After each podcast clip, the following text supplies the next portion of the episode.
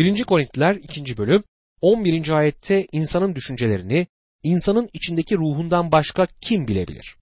Bunun gibi Tanrı'nın düşüncelerini de Tanrı'nın ruhundan başkası bilemez diyor. Siz ve ben birbirimizi anlayabiliriz çünkü insansal ruhlara sahibiz. Örneğin moraliniz bozulduğunda kendinizi nasıl hissettiğinizi biliyorum. Almanya'da yaşarken karlı bir sabah topluluğumuzun ihtiyarlarından birinin elinde iki kova külle evinden çıkıp büyük çöp tenekelerine yöneldiğini gördüm. Ayağı kayıp düştü ama kovaları elinden bırakmadı. Küller yerlere dökülmedi ama adam çok fena düşmüştü. Ayağa kalkıp kimsenin kendisini görüp görmediğini öğrenmek için etrafa baktı. Peki neden böyle yaptı? Çünkü utanmıştı. Kendisini nasıl hissettiğini biliyordum çünkü gerçekten komik görünüyordu ve kendimi gülmekten alamadım. Ben de insan ruhu ve onda da insan ruhu olduğundan kendini tam olarak nasıl hissettiğini bilebiliyorum. Ancak Tanrı'nın neler hissettiğini bilmiyorum. Tanrı hakkında herhangi bir şey anlayacaksam onun bunu bana açıklaması gerekiyor. 1. Korintiler 2. bölüm 12. ayette Tanrı'nın bize lütfettiklerini bilelim diye bu dünyanın ruhunu değil Tanrı'dan gelen ruhu aldık diyor. Ancak Tanrı'nın ruhu bunları bize açıklarsa, ancak Tanrı'nın ruhu bunları bize açıklarsa anlayacağımız bazı şeyler vardır ve Tanrı bunu cömertçe yapar. Bizim öğretmenimiz olmayı Tanrı istemektedir. 1. Korintiler 2. bölüm 13. ayette ruhsal kişilere ruhsal gerçekleri açıklarken Tanrı'nın lütfettiklerini insan bilgeliğinin öğrettiği sözlerle değil, ruhun öğrettiği sözlerle bildiririz diyor. Elçi Paulus şimdi derin bir şey söyleyecektir ve bu kutsal kitabı kabul ve bu kutsal kitabın kabul edilmiş gerçeklerinden birisidir. Şöyle yazar. Doğal kişi Tanrı'nın ruhuyla ilgili gerçekleri kabul etmez. Çünkü bunlar ona saçma gelir.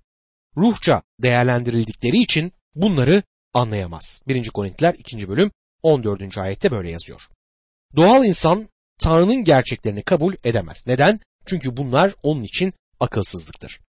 Eğer bir Mesih inanlısı değilseniz dostum söylediklerim size saçma gelebilir. Eğer saçma gelmiyorsa ya sizde bir şey vardır ya da bende bir şey. Birimiz hatalıyız. Tanrı doğal insanın kurtuluşu için Mesih'in çarmıhının bildirilmesini saçma bulduğunu söyler. Bu ona hiç mantıklı gelmeyen bir yöntemdir. Onları bilemezdi. Üniversiteye giderken herhangi bir insanın yazmış olduğu herhangi bir şeyi anlayabileceğimi düşünüyordum. Bunun doğru olmadığını gördüm. Tanrı'nın ruhu onu anlamam için kalbimi ve kafamı açana dek Tanrı'nın sözünü anlayamadığım kesindir. Tanrı sözü ruhen anlaşılan bir şeydir. Sadece Tanrı'nın ruhu Mesih'in yaptıklarını alıp onları bize gösterebilir. Rabbi İsa Yuhanna 16. bölüm 13 ve 14. ayetlerde ne var ki o yani gerçeğin ruhu gelince sizi tüm gerçeğe yöneltecek. Çünkü kendiliğinden konuşmayacak. Yalnız duyduklarını söyleyecek ve gelecekte olacakları size bildirecek. O beni yüceltecek çünkü benim olandan alıp size bildirecek demiştir. Dostum Tanrı'nın ruhu size Mesih'in yaptıklarını göstermedikçe Korintlilere yazılmış olan bu mektubun sizin için çok fazla bir anlamı olmayacaktır. 1. Korintliler 2. bölüm 15 ve 16. ayetlerde ruhsal kişi her konuda yargı yürütebilir. Ama kimse onun hakkında yargı yürütemez. Rabbin düşüncesini kim bildi ki ona öğüt verebilsin? Oysa biz Mesih'in düşüncesine sahibiz diyor. Ruha uyan kişi yani ruhsal olan kişi içinde kutsal ruha sahip olan kişidir. Bu kişi Tanrı'nın çocuklarından birisidir. Her konuda yargıda bulunabilir demek bu şeyleri anladığı anlamına gelmektedir. Ama onun hakkında yargıda bulunabilecek kimse yok demek onun anlaşılmadığı anlamına gelir. Ruhsal insan doğal insanla tezat oluşturmaktadır. Tanrısal gerçeği anlar ama doğal insan tarafından yanlış anlaşılır. Rabbin düşüncesini kim bildi ki ona öğüt verebilsin diye soruyor. Tanrı'ya kim öğüt verebilir? Rabbin düşüncesini kim anlayabilir? Bizler Tanrı'ya hiçbir şey söyleyemeyiz ama o bize çok şey gösterebilir. Ancak Tanrı'nın ruhu biz Mesih'in düşüncesine sahip olana dek bize ruhsal şeyleri gösteremez. Eğer kurtulmuş biri değilseniz çarmıhın bildirisinin gerçekten saçmalık olduğunu düşünebilirsiniz. Çarmıhta ölen bir adamın tamamen yenilgiye uğramış bir adam olduğunu düşünebilirsiniz. Bu size kurtuluşun gerçek yolu yerine biraz saçma görünebilir. Buna karşın Tanrı bizim kurtulmamız için oğlunu çarmıhta ölmek üzere bizler için vermenin kendi yöntemi ve kendi bilgeliği olduğunu ve ona güvenmemiz gerektiğini söyler. Eğer dürüstseniz bu düşüncenin size saçma geldiğini itiraf etmeniz gerektiğini düşünüyorum. Geçen gün bir komedyenden mektup aldım. Bir gece kulübünde komedyen olduğunu söylüyor. Radyodan kutsal ruh öğretimi dinliyormuş ama tuhaf biri olduğumu düşünüyormuş. Hatta benim kendisinden de gülünç olduğumu düşünüyormuş. Zaten öyle düşünmesi gerekir. Neden? Çünkü o doğal bir adam ve ruhsal şeyleri anlayamıyor. Bu bölümün adını kutsal ruhun açıklığı, insansal bilgeliği düzeltir koyduğumuzu hatırlarsınız. Paulus insanlığı doğal insan ve ruhsal insan olmak üzere iki sınıfa ayırmıştır. Doğal insan bu dünyaya günahkar bir doğayla doğan ve içinde kötülük yapma yatkınlığı olan Ademoğludur.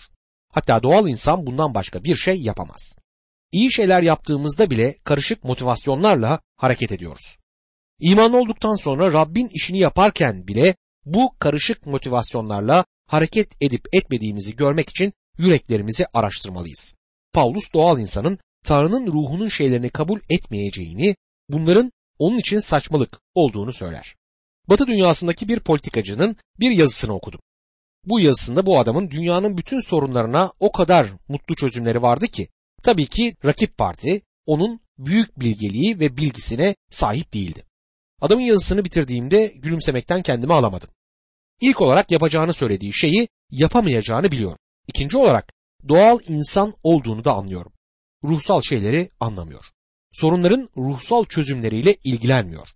Uyuşturucu sorununu nasıl çözeceğini bildiğini sanıyor ama çözümü ruhsal değil. Yasa dışı olayları çözmeyi vaat ediyor ama çözümü yine ruhsal değil. Ruhsal konular hakkında kırlarda otlayan bir keçiden fazla bir şey bilmiyor. Yıllar önce Glaston büyük bir devlet adamının Tanrı'nın gelecek 50 yıl boyunca hangi yöne gideceğini bilen kişi olduğunu söylemişti. Bu politikacının o tanıma uymadığı kesindir. Aslında doğal insandan fazla bir şey bekleyemeyiz. Size elimden geleni yaparım der ki bu herhalde doğru bir sözdür. Bir de ruhsal insan vardır. Paulus ruhsal insanın her konuda yargıda bulunabileceğini söyler. Bununla demek istediği onun anladığı ruhsal anlayışa sahip olduğudur. Ruhsal anlayışı onun dünya tarafından yanlış anlaşılmasına neden olmaktadır. Çünkü doğal adam onun yaptığı şeyleri neden yaptığını anlayamaz. Ruhsal insanla doğal insan arasındaki fark budur. Tanrı sözü olan kutsal kitapla doğru bir ilişki bizim birçok konuda fikir sahibi olmamızı sağlayacaktır. Doğal insan için bu saçmalıktır. Ruhsal insan Tanrı sözünü anlar ve onun önemini kabul eder. 1. Korintliler 3. bölüme geldiğimizde bu bölümde bir ayrım daha göreceğiz.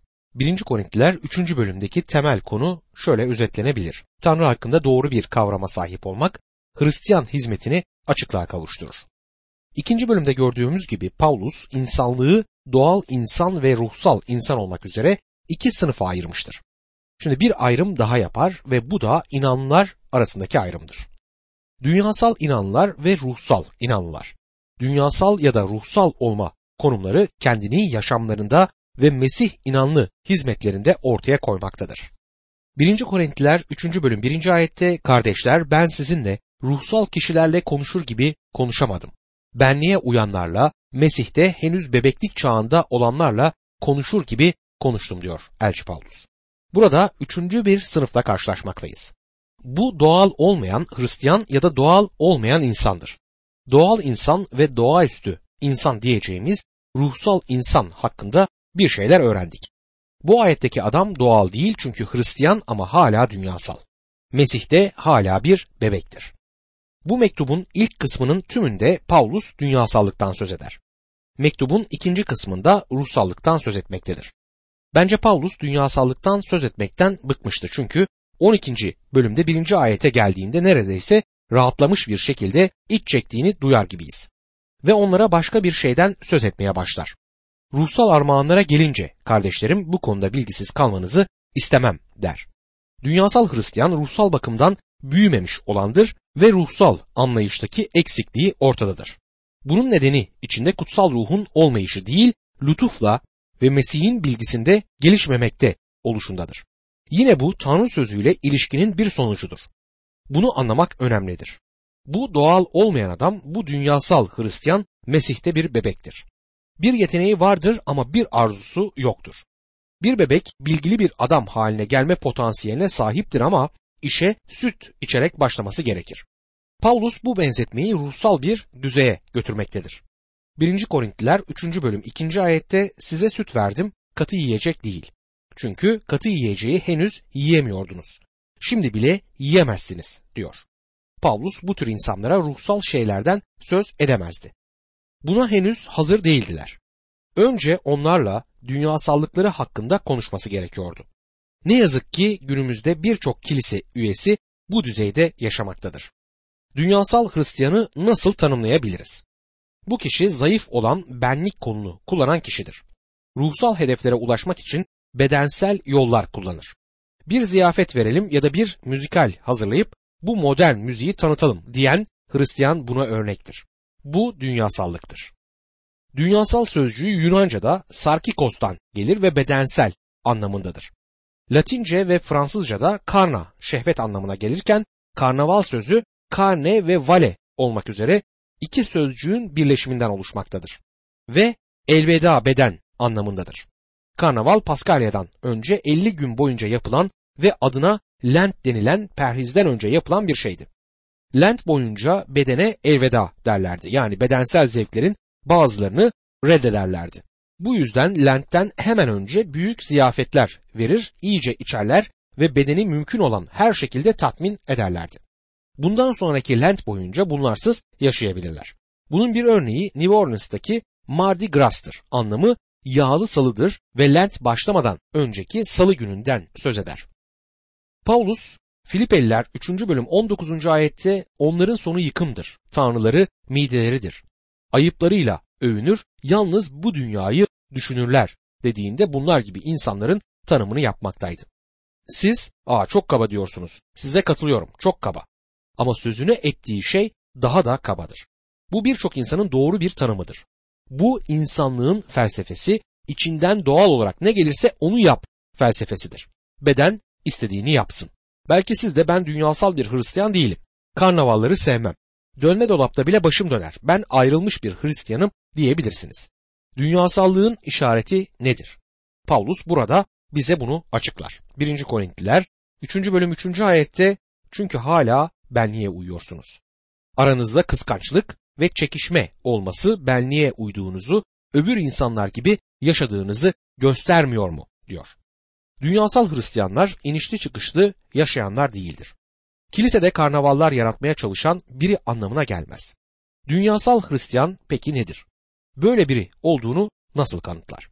Çekişme ve bölünmelerin olduğu her yerde bir karnaval yaşanmaktadır. Tutucu kiliselerin birçoğunda bölünmeler, dedikodular, çekişmeler, acılık ve nefreti görebilirsiniz. Bu tür şeyler yaşandığında benliğin vitrinde olduğunu görmek mümkündür. Bazen Hristiyanlar öfkelerine yenilir ve bunu örtmek için sadece dürüst davranıyorum der. Hayır sadece kötü davranıyorsunuz o kadar. Dostum dedikodu yaptığınızda çekişme, haset ve bölünmeler yarattığınızda bir pazar okulu dersini bir karnavala çevirebilirsiniz. Bir müjde ya da bir dua toplantısını karnavala çevirebilirsiniz. Dostum dünyasal şeyler yapmayabilir ama yine de dünyasal bir Hristiyan olarak yaşayabilirsiniz. Paulus'u dinleyin 1. Korintliler 3. bölüm 4 ila 6. ayetler arasında biriniz ben Paulus yanlısıyım, ötekiniz ben Apollos yanlısıyım diyorsa öbür insanlardan ne farkınız kalır? Apollos kim, Paulus kim? İman etmenize aracı olmuş hizmetkarlardır. Rab her birimize bir görev vermiştir.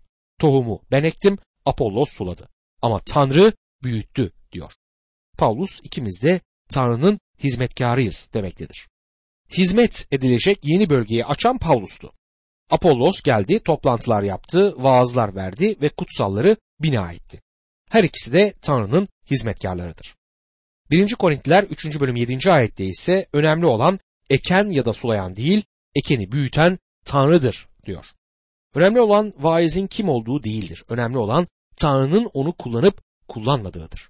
Eğer Tanrı onu kullanıyorsa o zaman sonuçlar için Tanrı yüceltilmelidir. Övgü ve yüceliği Tanrı'ya verin. 1. Korintliler 3. bölüm 8. ayette ise ekenle sulayanın değeri birdir. Her biri kendi emeğinin karşılığını alacaktır diyor. Tanrı'nın birçok işçiyi kullandığını kabul etmemiz gerekir. Her biri her şeyi biraz farklı yapabilir. Bu yüzden Rabbin kullanmakta olduğu herhangi bir bireyi azarlamamalıyız. Farklı yöntemler kullanan birçok insan var.